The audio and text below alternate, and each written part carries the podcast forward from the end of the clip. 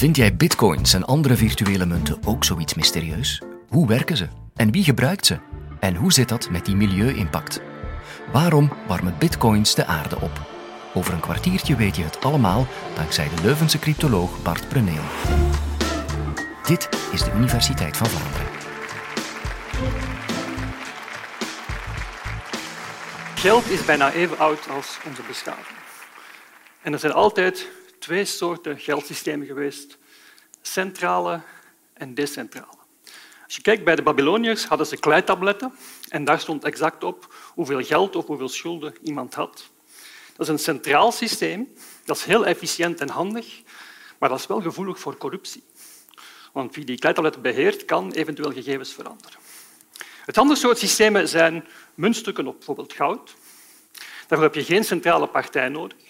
Je kan die uitgeven, je kan betalen zonder een centrale partij daarbij te betrekken. Die dingen zijn ook heel robuust en die gaan heel lang mee. Als u in uw tuin een Romeins muntstuk vindt, is dat nog altijd geld waard. Dat is een heel robuust systeem. Het heeft wel een probleem met fraude.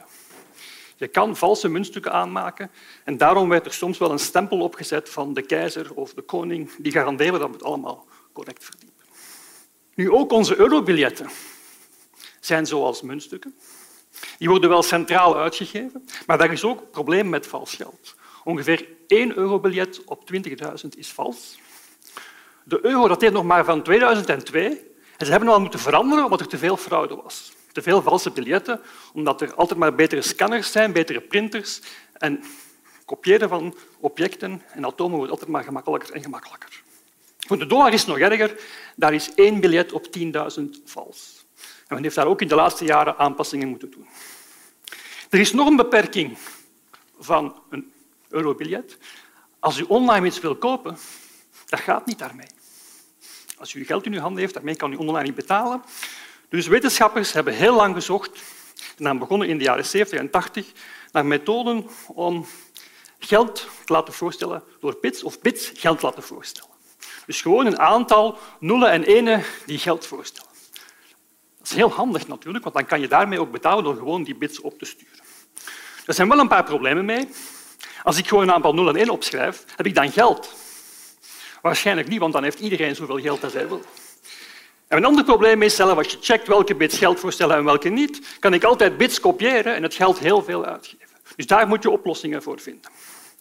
En de eerste man die daaraan gewerkt heeft, is David Chaum, een heel bekend Amerikaans wetenschapper, een cryptograaf zoals ik.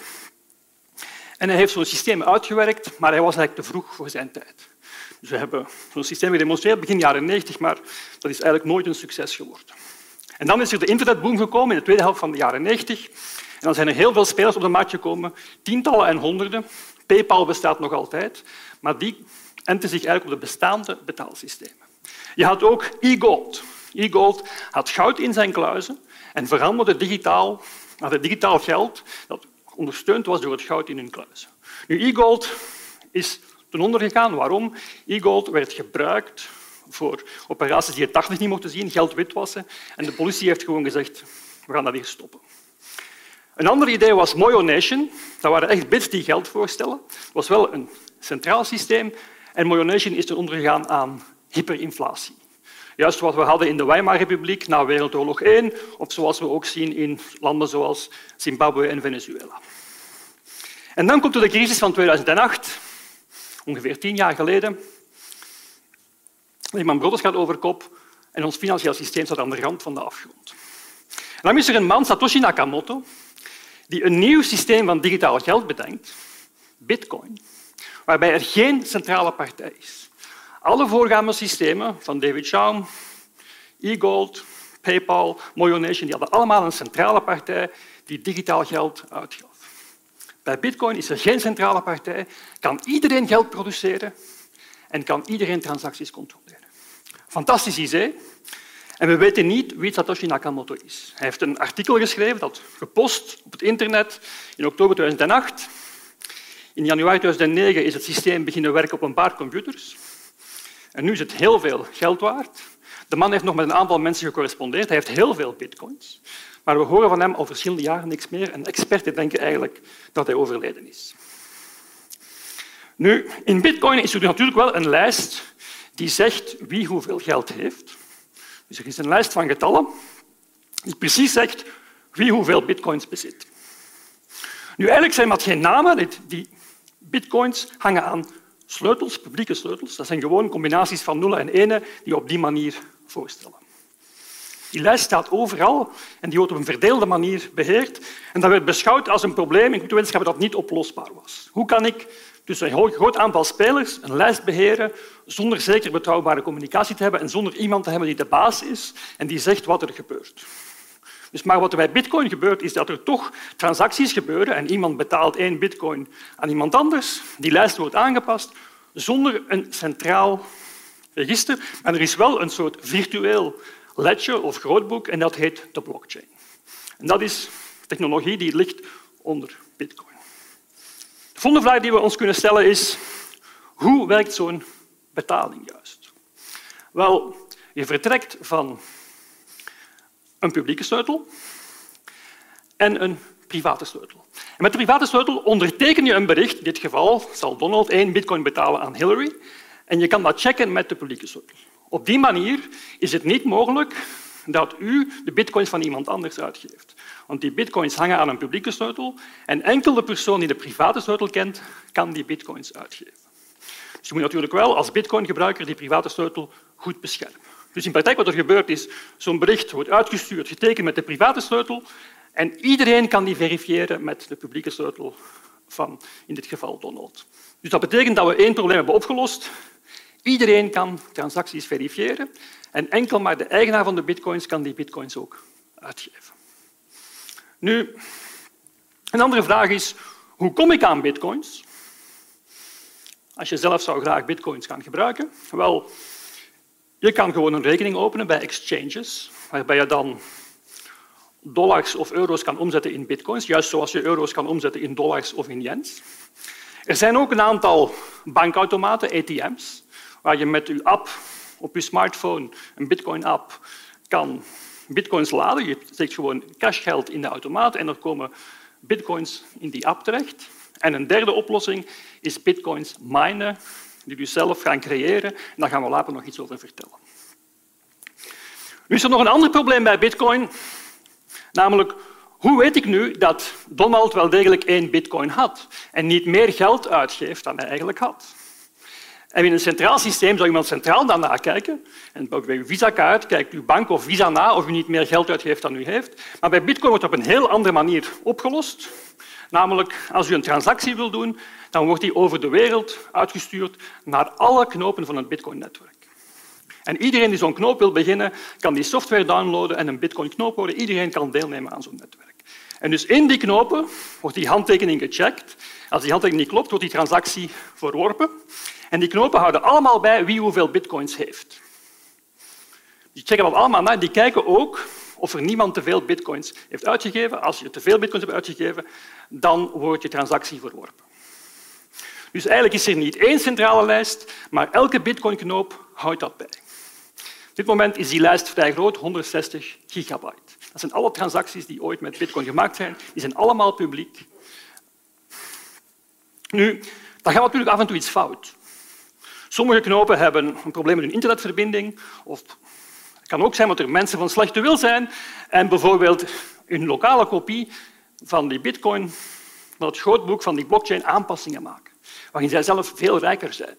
Je zou zelf kunnen gaan samenspelen met een aantal partijen en zeggen van oh, we hebben veel meer geld dan eigenlijk klopt. Dus uiteindelijk krijgen we in dat netwerk, waar iedereen kan deelnemen, krijgen we een soort verschil van opinie. We moeten vaststellen wat is nu de juiste versie van de blockchain. Wie heeft nu hoeveel bitcoins? En een eenvoudige manier om dat op te lossen is, laat ons stemmen. En dan kan de meerderheid beslissen en we gaan ervan uit dat de meerderheid eerlijk is. En op die manier weten we precies wat de juiste versie is, wie hoeveel bitcoins heeft en wie bitcoins mag uitgeven. Nu, dat zou niet werken. Waarom niet? Wel, iedereen kan knopen maken, dus als ik wil vals spelen, maak ik gewoon 100.000 knopen bij aan. En ik ga ook allemaal stemmen met die knopen voor een heel andere versie. Dus je kan niet iedereen laten stemmen, want iedereen kan netwerk toetreden. Er is niemand die beslist wie al dan niet een knoop mag hebben. Dus je kan er zoveel maken als je wil en je kan zo vals spelen als je wil. Dus democratie werkt in dit geval niet.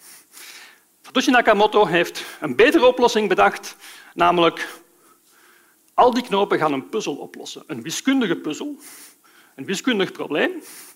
En degene die de puzzel eerst heeft opgelost, die mag beslissen wat de juiste versie is.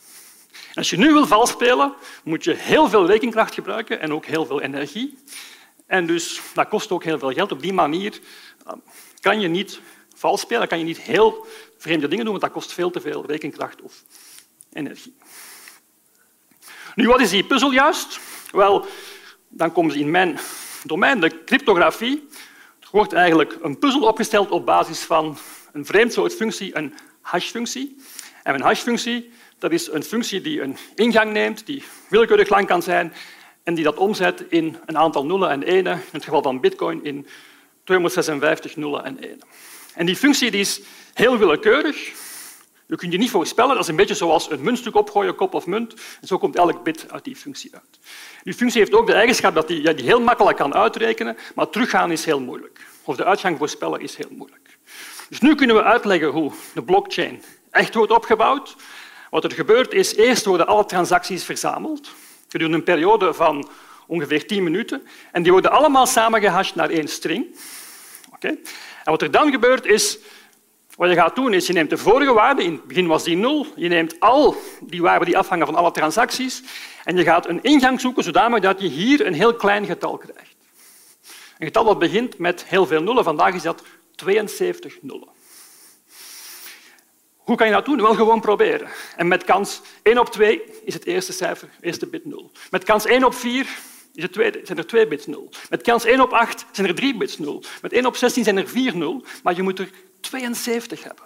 Dus je moet 2 tot de macht 72 of een 1 met 24 nullen berekeningen doen eer je die puzzel gaat oplossen. Eens je die puzzel hebt opgelost, wat je gaat doen is al die transacties samen met de oplossing rondsturen naar alle knopen. En dan ondertussen hebben al die knopen weer opnieuw transacties verzameld gedurende 10 minuten. En dan beginnen ze opnieuw aan die puzzel. Dus elke tien minuten wordt er een nieuwe puzzel gecreëerd en wordt die opnieuw opgelost. En degene die de puzzel oplost, die mag beslissen welke transacties in het volgende blok komen. En zo worden al die blokken aan elkaar gekoppeld, want een versie, of een van de elementen van de puzzel is het resultaat van de vorige puzzel. En zo hangen al die dingen aan elkaar en daarom spreken we van een blockchain. Je kan die dus niet aanpassen achteraf. Dat is een, volledig, een volledige lijst van alle transacties. En die kan, je kan die niet aanpassen tenzij je heel veel rekenkracht hebt. Nu, waarom zou iemand zoiets doen? Waarom zou je zoveel rekenkracht gaan inzetten? Want daarvoor heb je heel veel energie nodig, heel veel. je een grote elektriciteitsfactuur, zoals we zullen zien. Waarom zou zo iemand iets doen? Wel, als je die puzzel oplost, krijg je een beloning. En die beloning is 12,5 bitcoin. Nu, als ik die slides heb gemaakt, eind vorige maand was het nog 133.000 dollar. Vandaag is het slechts 100.000 dollar. Bitcoin is een beetje gezakt sindsdien, zoals u misschien weet. Toch nog altijd een hoop geld. Dus eigenlijk zou je in plaats van naar mij te luisteren beter beginnen bitcoins te minen, want als u die puzzel oplost, dan verdient u 100.000 dollar. Daar moet u een heel jaar voor werken, of misschien nog langer. Dus heel veel mensen zijn beginnen bitcoin minen. Dat is geen probleem. Het probleem is dan wel dat de puzzel veel sneller wordt opgelost. En dat zou het systeem onstabiel maken, want het duurt een tijdje eer al die transacties over de hele wereld zijn rondgereisd. En als die blokken te snel worden gevormd, dan gaan die allemaal verschillen en dan gaat het systeem onstabiel worden. Dan gaat niet iedereen dezelfde versie van het systeem overhouden. Nakamoto heeft daaraan gedacht en heeft ervoor gezorgd dat die puzzel altijd moeilijker werd. Het is te zeggen, heeft ervoor gezorgd dat de puzzel gemiddeld tien minuten duurt om op te lossen. Als het sneller gaat, dan maakt hij de puzzel moeilijker kan natuurlijk wel zijn in de toekomst dat het gemakkelijker wordt, want de mensen niet meer aan bitcoin werken. En dan wordt de puzzel weer gemakkelijker. Dus economisten denken dat de puzzel altijd moeilijker zal worden, maar dat is niet zo. Het kan zijn dat als de mensen hun interesse in bitcoin verliezen, die puzzels terug gemakkelijker worden en er minder rekenkracht nodig is. Nu, Satoshi Nakamoto heeft ook goed opgelet en hij was bezorgd over hyperinflatie. Dus het aantal bitcoins is beperkt. Er zijn slechts 21 miljoen bitcoins. De eerste vier jaar krijg je 50 bitcoin om een puzzel op te lossen. De volgende vier jaar 25. Nu zit u in een periode van 12,5. En elke vier jaar wordt dat gedeeld door twee. Dus er zullen nooit meer dan 21 miljoen bitcoins zijn. Op die manier is er een soort schaarste. En kan je nooit hyperinflatie krijgen. Zijn natuurlijk wel andere problemen. Bijvoorbeeld, er zijn andere munten gecreëerd. Nu, om zo'n bitcoins te minen, in het begin kon je dat thuis doen op je pc. Een beetje later moest je al grafische kaarten gebruiken. En nog wat later gebruikte men daarvoor FPGA's. Dat zijn een soort programmeerbare chips. En vandaag moet men dat in speciale chips, die in grote hangars, grote ruimtes zoals deze, die allemaal volgestouwd zijn met die chips. We zijn allemaal die puzzels aan het oplossen. En dus u bij u thuis, als u een bitcoin probeert te vinden, zal u misschien een kans hebben na een miljoen jaar of zo. Want u kan tegen die mensen niet meer op. Nu, die miners, we weten daar niet heel veel van. In die zin dat alles is wel transparant, maar die steken zich wel een beetje weg, want die willen verbergen wat ze doen. Die willen niet dat ze bestolen worden. Er zijn onlangs ook bitcoin van die miningtoestellen gestolen, want die zijn heel veel geld waard. Maar dus we weten wel dat een groot aantal staat in China, waar ze ten dele opereren op basis van steenkool en ten dele op basis van hydroelektriciteit, omdat een aantal grote dammen zijn gebouwd waar nog elektriciteit over is. Die in IJsland die werken op geothermische energie, dus eigenlijk zeer groen. Waarom IJsland? Het is daar heel koel, dus je moet niet zoveel koelen aan al die chips. Maar dus, dit is de huidige van bitcoin minen. En we kunnen nu gaan kijken hoeveel energie kost dat. Nu, we kennen die juiste cijfers niet, want die miners laten niet in hun keuken kijken, maar we kunnen natuurlijk wel een aantal schattingen maken. En de schatting op dit moment is dat het bitcoin-ecosysteem ongeveer 2400 megawatt verbruikt. Nu, hoeveel is dat? Wel, dat is ongeveer evenveel als doel 2, doel 3 en doel 4 samen. Hoeveel is dat per transactie? Dat is nog een iets moeilijkere berekening. Dus per transactie doet ongeveer vier transacties per seconde. Dat gaat uitrekenen, is dat ongeveer 320 kilowattuur. Nu, 320 kilowattuur, de elektriciteitsprijs daarvan in België is iets van een 20 euro, maar u krijgt nog alle taxen erbovenop, dus het is nog wel iets meer. Maar goed, u krijgt natuurlijk Vergeleken met de waarde van de puzzel, die 100.000 dollar is nog altijd een zeer groot bedrag. Dus een transactie kost niet zoveel, maar het is toch wel zo dat zo'n transactie ongeveer het verbruik van een Belgisch huishouden is in 25 dagen. Dus dat is toch niet echt heel groen. Nu, kunnen we daar iets aan doen? Dan is wat wetenschappers proberen daarmee bezig te houden. Dat zijn onderzoeksvragen waar wij ook mee bezig zijn. Kunnen we meer transacties doen? Op dit moment doet bijvoorbeeld Visa doet tot 25.000 transacties per seconde, Alipay 100.000. Dus we proberen te zoeken naar methodes om meer transacties per seconde te doen in het bestaande systeem, zodanig dat het eh, energieverbruik beter te verantwoorden is. Een tweede, het echte heilige graal van de cryptomunten, is dat we zouden kunnen stemmen niet met puzzel op te lossen, maar dat diegenen die bitcoins hebben mogen stemmen. En je kan niet willekeurig bitcoins creëren, dat heet men proof of stake in het Engels. En men hoopt op die manier te kunnen toch een cryptomunt te maken ehm, die minder energie verbruikt of die efficiënter is. Het blijft nog altijd zo dat bitcoin op een unieke manier een probleem heeft opgelost. Namelijk, hoe kan je een betalingssysteem creëren zonder een centrale bank waar je niemand moet vertrouwen. Dus in die zin heeft bitcoin wel een soort mirakel in de computerwetenschappen gecreëerd heeft ook heel veel onderzoek geïnspireerd. Vele mensen hebben geprobeerd betere cryptomunten te maken. Er zijn er tegenwoordig honderden en honderden. Sommige zijn beter, sommige zijn minder goed. Maar uiteindelijk is het antwoord op de vraag nog altijd... We weten niet exact hoeveel CO2-uitstoot er komt als gevolg van bitcoin. Dat we niet weten of de miners nu heel veel hydroelektrisch of heel veel steenkool gebruiken. Maar we weten wel dat het bitcoin-systeem voor een paar transacties per seconde heel veel energie verbruikt. Vonden jullie die cijfers ook zo spectaculair? Ik neem aan dat jullie nu allemaal twee keer nadenken voor jullie bitcoins zullen gebruiken. Vertel het verder op café en op familiefeesten of misschien net iets minder drammerig, like en share dit college via Facebook, Twitter en Instagram.